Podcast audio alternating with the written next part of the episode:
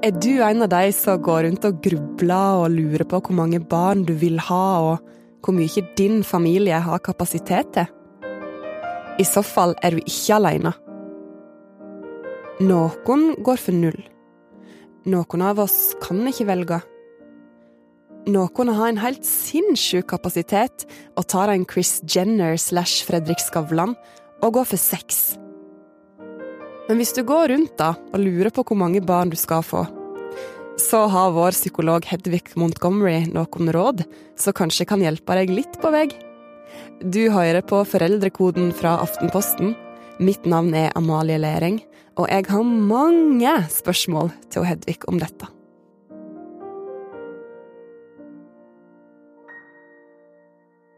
Hedvig, ifølge tala så er du en del av en utdøende art fordi du har tre barn.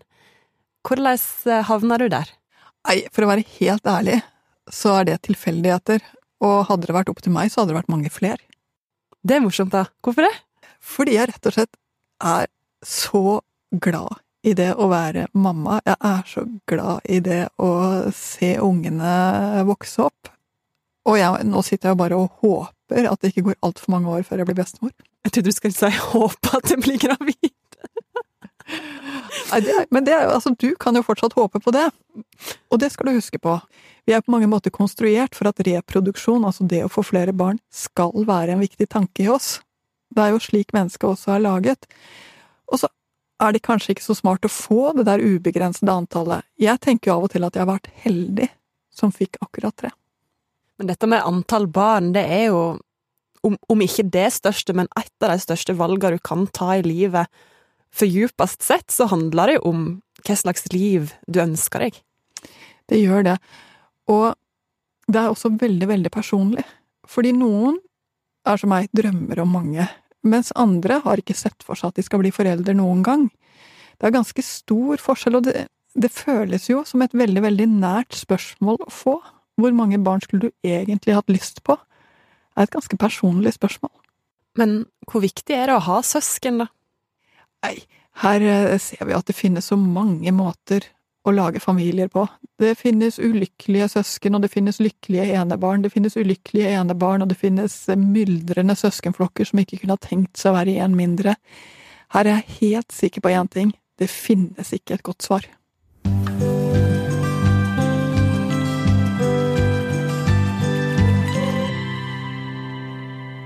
Men når du står der og vurderer om du skal få flere barn, så blir det så veldig fysisk òg, fordi du har kanskje ei bod som er full av babytøy, av sprinkelting, ei gammel vogn som tar masse plass, og så lurer du på skal jeg kvitte meg med det, skal jeg selge det, eller skal jeg få en unge til?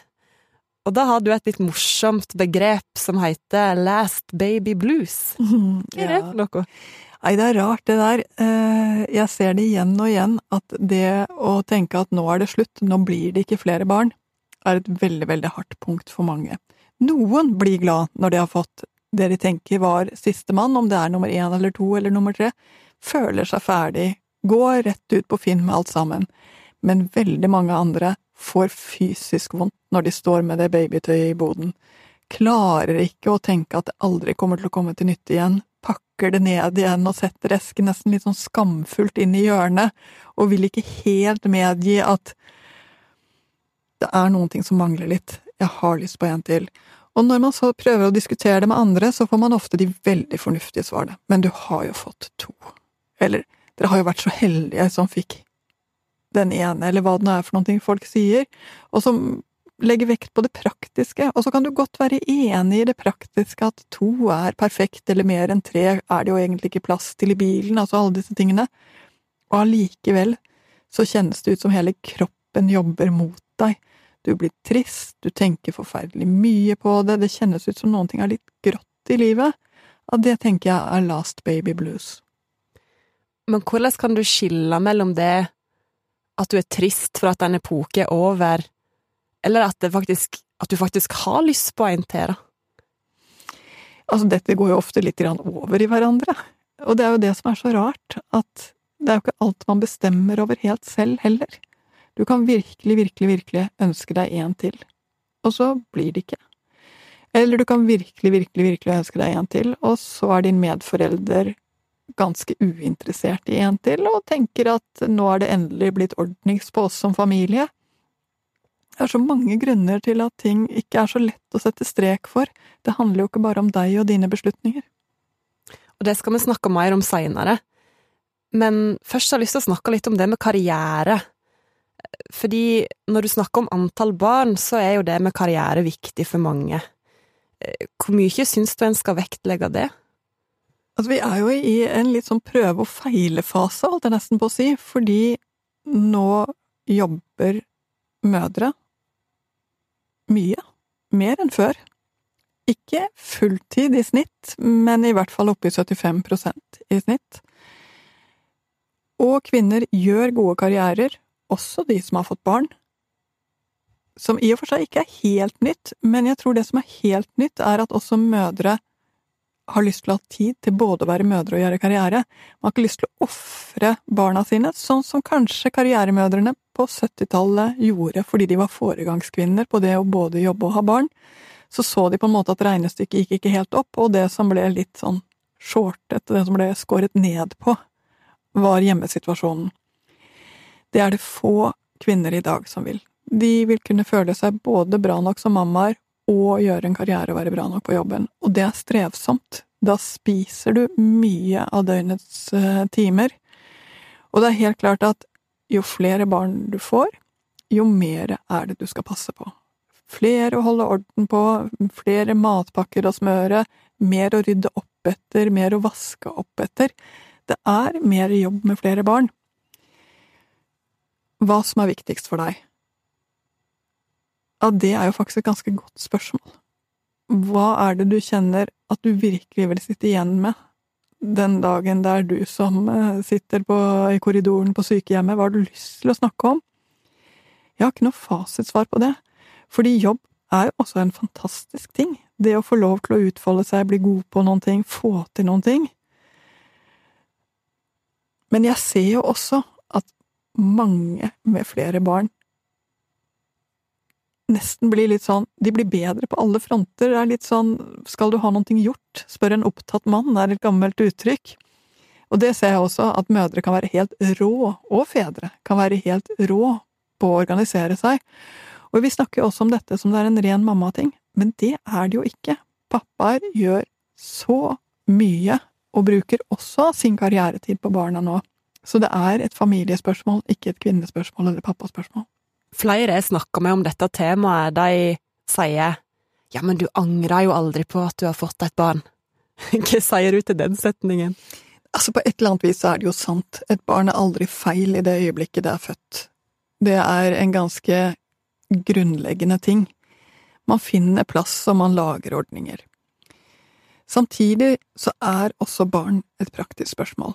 Du må ha penger nok, ressurser nok, tid nok til at hvert eneste barn får en eh, oppvekst som du på en måte kjenner at det var det beste jeg kunne gi. Hvis ikke så blir det jo lett både slitsomt og misnøye i familien. Så jeg syns ikke disse rasjonelle argumentene er uinteressante eller feil. De har faktisk noe for seg. Hvordan er det vi vil leve? Og det er et verdispørsmål.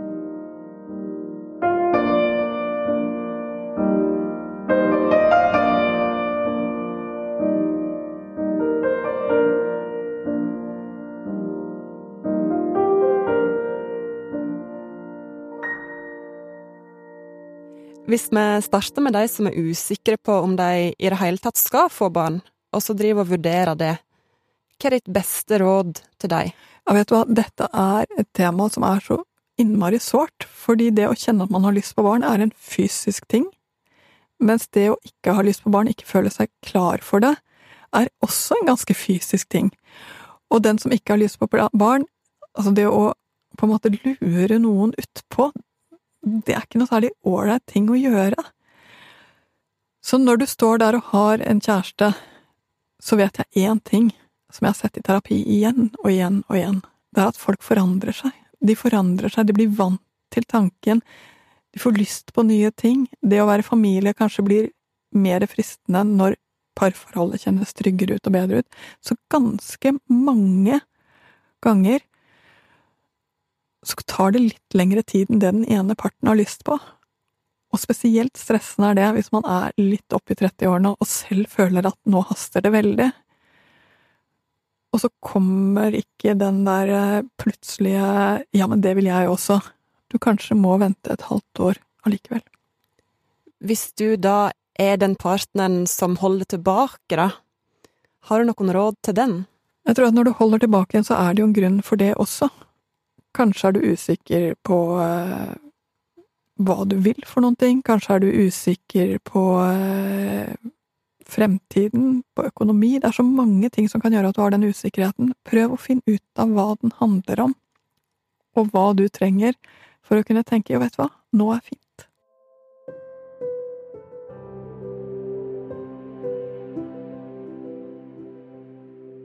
Vi skal snakke om de familiene som har ett barn, og som vurderer å få ett til. Aller først, hva veit vi om enebarna? Det er jo rart, for hver gang vi prøver å generalisere store grupper, så viser det seg at det er ikke så lett. Det finnes mange enebarn som ikke har savnet et søsken på noe tidspunkt. De føler at de er en god enhet med, barn, med foreldrene sine, og kanskje er det også ganske naturlig at det har blitt slik i deres familie. Jeg vet om andre enebarn som virkelig sitter og lengter etter å være en barneflokk og ikke bare seg selv. Det var en eh, liten gutt som eh, skulle tegne drømmehuset sitt, og han tegnet det fullt av små rom. Og jeg spurte hva er det alle de rommene er til, og sa han det er til alle søsknene mine som skal komme. Og så er jeg så mange, for da hadde han nettopp hatt seksualundervisning i barnehagen og lært som at det var millioner av sædceller. Det var jo ganske søtt, men hans lengsel var ganske dyp etter å ikke være alene barn i den familien. Kanskje også fordi foreldrene hans var litt sånn voksne av seg, hvis du skjønner. Eh, for har du et enebarn, så må du holde på lekenheten, holde på det å bygge et liv med flere venners barn, eh, rett og slett. Ja, det lurer jeg på. Så krever et enebarn mer av foreldrene fordi du må på en måte innta den søskenrolla på et vis, at du må være den som leker, eller Jeg tror ikke det krever mer, men det krever noe annet. Ja. Eh, også skal du være klar over at det å være enebarn, da er du litt alene som barn. Altså, de voksne er liksom to, ofte, og litt flere har, har litt mer å si. Så det kan kjennes ut Altså, du må hele tiden være klar over at ja, du må både ta det ekstra blikket ned, hvor er det hun eller han er nå, og hva er det som er bra for ham eller henne, og også huske på at bortskjemte barn som får alltid peke på, har ikke akkurat noe glede her i livet heller. Man trenger å, å se fram imot ting og, og, jobbe etter ting. Så finne den der balansen, men det å finne balanse må man uansett hvor mange barn man har. Så jeg vet ikke. Jeg tenker at enebarn er virkelig riktig i mange familier. Både fordi de ikke alltid velger barn selv, eller fordi det var det de kjente lagde familien ferdig. Men om en bare har Nå sier jeg bare, da, men om en har ett barn, så kan du være helt sikker på at du får spørsmålet skal ikke dere ha flere, eller skal vel få et søsken? Ja, det er rart det der hva folk føler seg fri til å spørre om, eh, men det tenker jeg at det Ja, sånn er verden, og da får man jo si som sant det er. Tror faktisk at vi er veldig fornøyd med sånn som vi har det nå. Og så er det noen som har ett barn fra tidligere forhold, og så vurderer å få et nytt barn med en ny partner. Og det er jo et stort tema vi kunne sikkert lage en egen episode om, men kan du si litt eh, til de som står i en sånn situasjon? Det er rart, det der, altså. Igjen, hadde det bare vært fornuft, så hadde det sikkert vært en annen skål. Men jeg tror jo ofte at barn blir glad for de søsknene som kommer etter at mamma eller pappa har funnet seg en ny kjæreste. Jeg tror de føler at det blir mer stabilt, det blir mer familie som liksom er ment for å vare. Så jeg ser mange barn som blir glad for de nye søsknene som kommer med ny partner. Igjen, det handler om å lage en familie som fungerer sånn som vi er, og det er mange måter å sette sammen en familie på.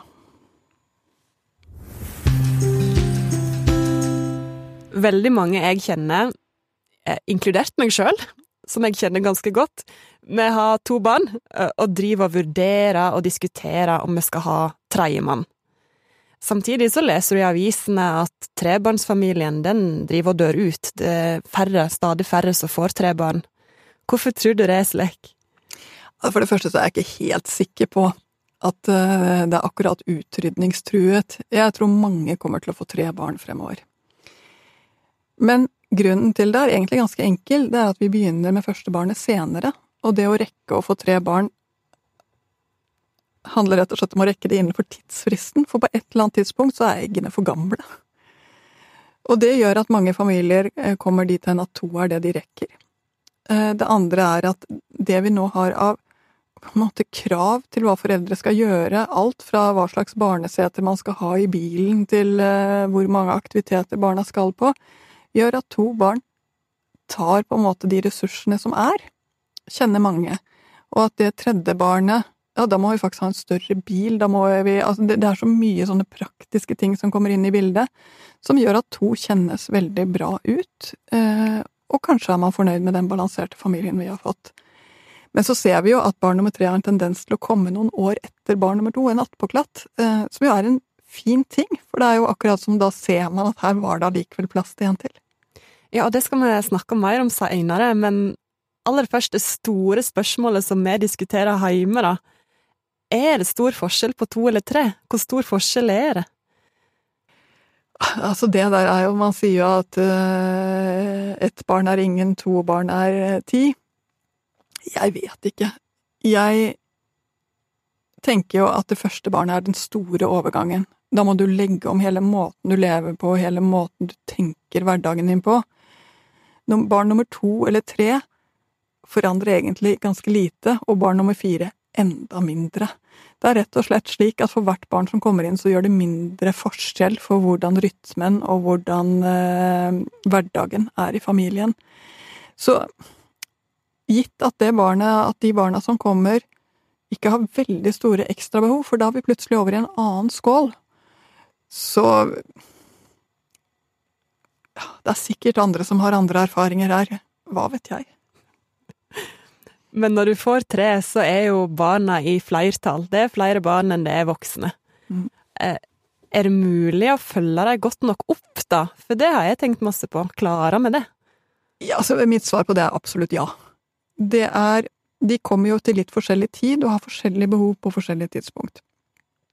Det gjør det ganske lett. Jeg ser at de som, som slår til med tvillinger og så en tett før eller etter, sliter nok mer med det og får da også en del dårlig samvittighet, rett og slett fordi det krever mer hender enn det som finnes. Men gitt at barna blir litt sånn litt spredt utover, så er det absolutt håndterbart å både hjelpe til med lekser og fritidsaktiviteter og, eh, og hverdagen på ett barn til. Så ja, jeg tror nok at de fleste vil kjenne at det, det går helt fint. Så må vi bare innom eh, dritten i midten nå. Mm. Er det en myte, eller kan det midterste barnet bli oversett fort?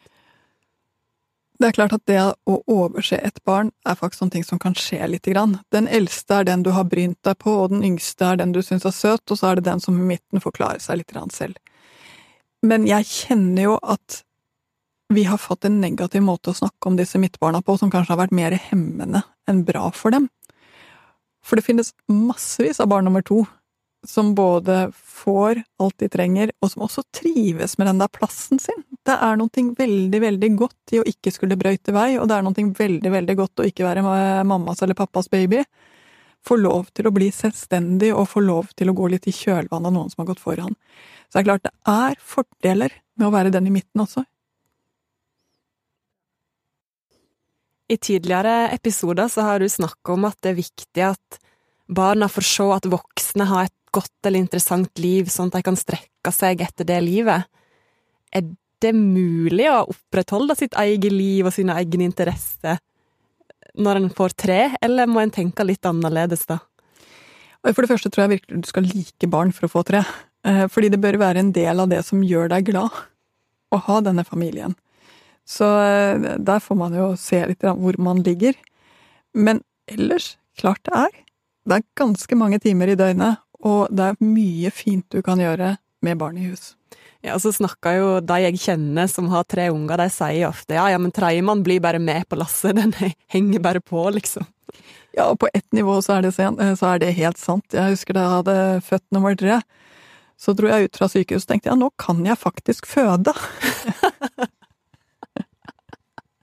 Rutinert. Men vi har jo vært litt innom det, men det med at samfunnet er lagt opp til kjernefamilien på mange vis. da, To voksne, to barn. Det er bare med du skal booke hotell til sommerferien, så er mm. liksom fire er den grensa. Ja, og jeg må bare si det er mer klønete med flere barn. Eh, familierabatten er to pluss to. Eh, på mange museer og mange fornøyelsesparker. Så det er på mange måter som om du gjør noe som er bitte lite grann utenfor normen. Og vet du hva? Jeg tror det kommer til å gå helt bra.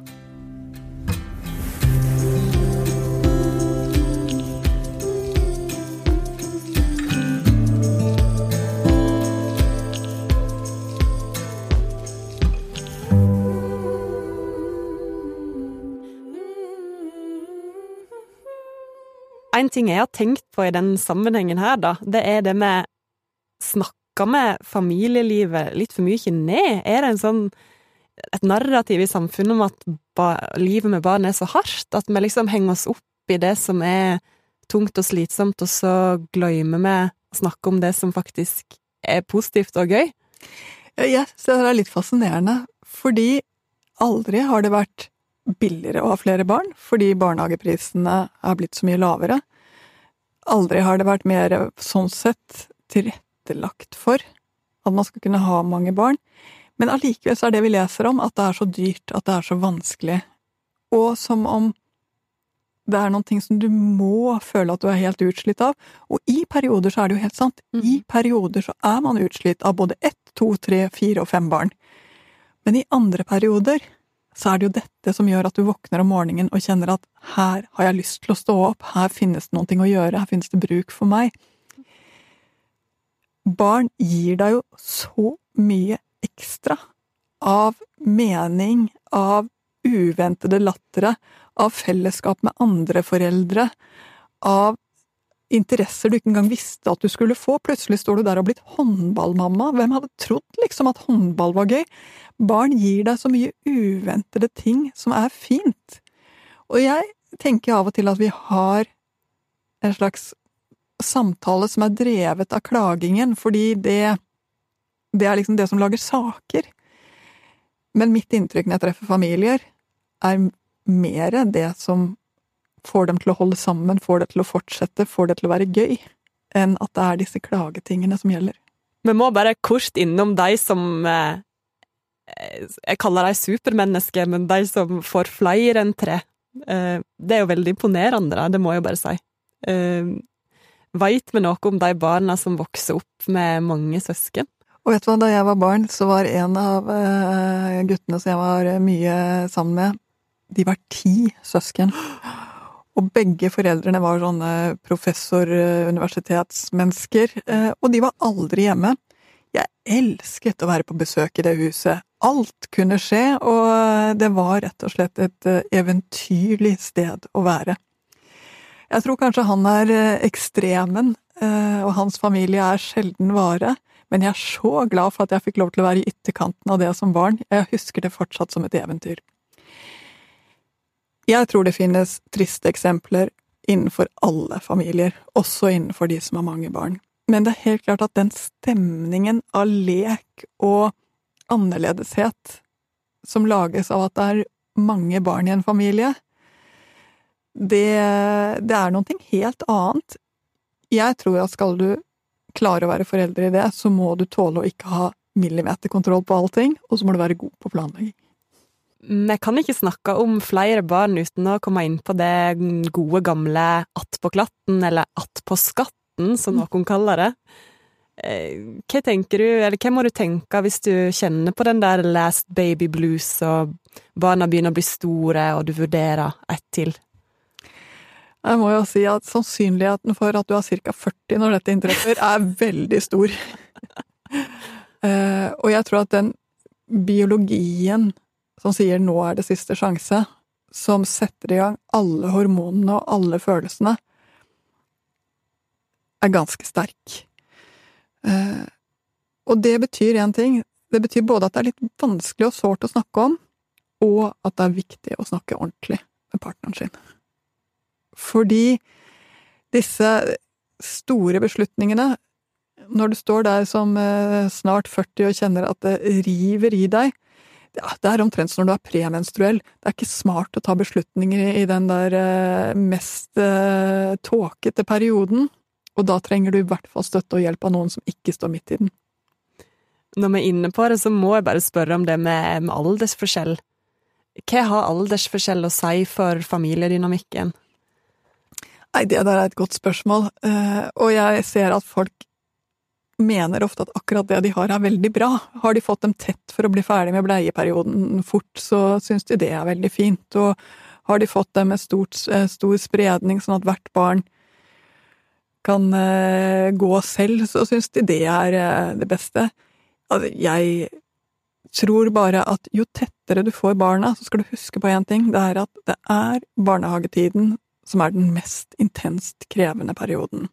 Og det er i hvert fall den tiden når yngstemann er under fire, som, som er den, eh, de årene som, som, krever mest av foreldrene. Så jeg, jeg vet ikke Visstnok så er eh, indianerrådet at man ikke må få et barn til før den man allerede har, kan gå selv og bære sine egne ting. Og av og til så tenker jeg noen ting i at ja, det er ikke helt dumt prinsipp, det. Hva har å si, da, eh, hvis du har en aldersforskjell på for eksempel åtte, ni, ti år mellom barna? Jeg vet ikke, jeg ofte syns de større barna at det er veldig fint. At det kommer noe å varme seg på i familien. Så lenge du klarer å holde det eldre barnets hverdag i gang, sørge for at uh, han får det han trenger av oppfølging og, og hjelp, så tror jeg et barn til er en ganske Sånn er det.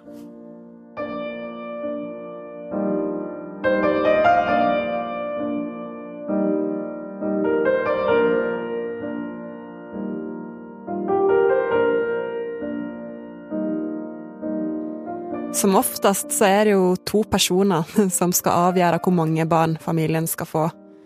Hvordan kan en ha gode samtaler om det? Ja, det er et utrolig godt spørsmål, eh, og jeg må bare si dette er det mange par som strever med. Fordi det er så privat, og det er så følsomt, og man må vise frem kortene sine. Kanskje kommer du selv fra en firebarnsfamilie og har alltid sett for deg at du vil ha den der susen av, av barn som beveger seg, og så treffer du en som er enebarn, som syns at eh, det å få liksom full oppmerksomhet er det viktigste i en barndom. Vær så god å diskutere antall barn, dere to. Det blir ikke så lett.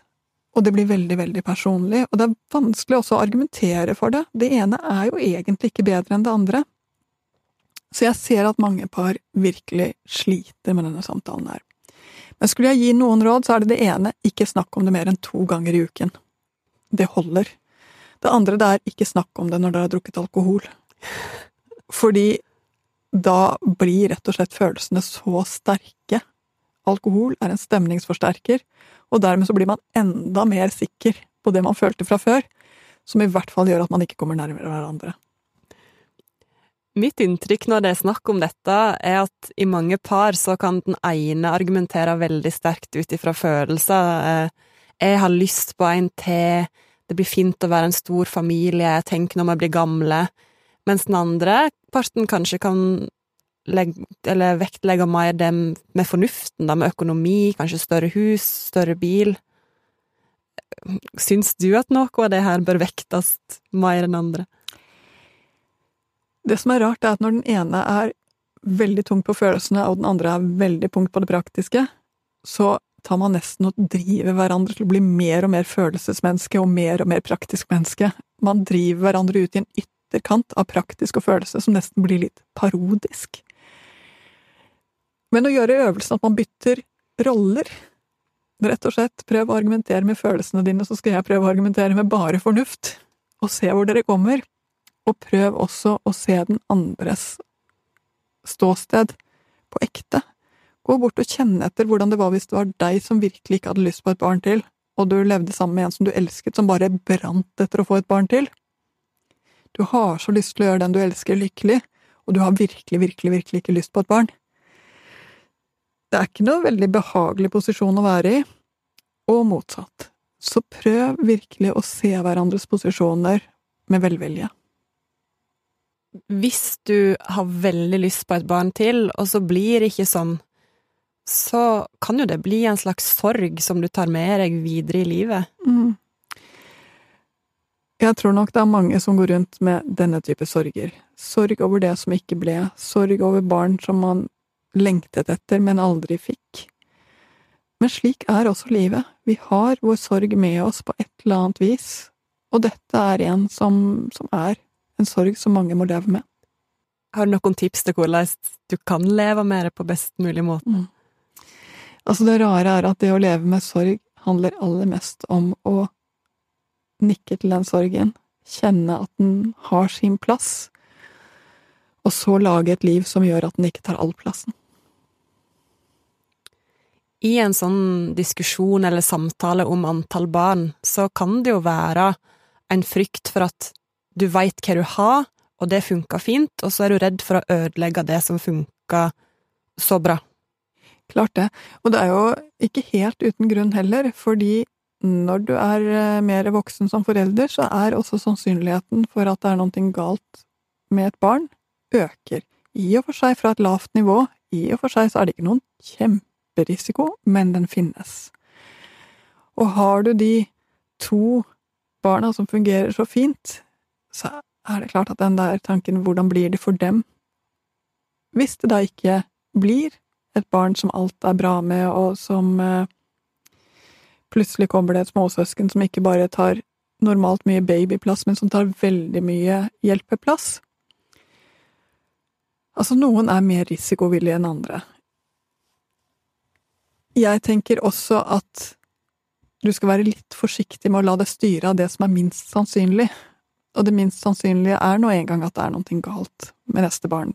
Det er ikke det som er mest sannsynlig.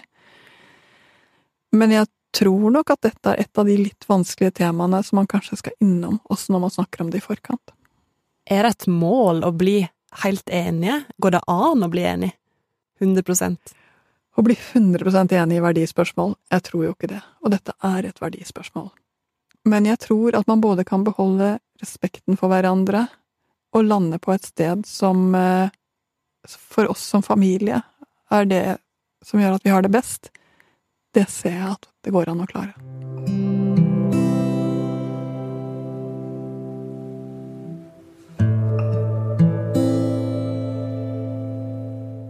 Så hva er det viktigste å ta med seg dersom en sitter der og lurer på hvor mange barn en skal få? Jeg tror det viktigste å huske på er at ja, dette er et veldig fysisk spørsmål. Det er mer et spørsmål om hva du føler enn om hva du tenker, men det betyr ikke at du skal koble bort tankene. Inn med tankene igjen, og la også dem få litt plass.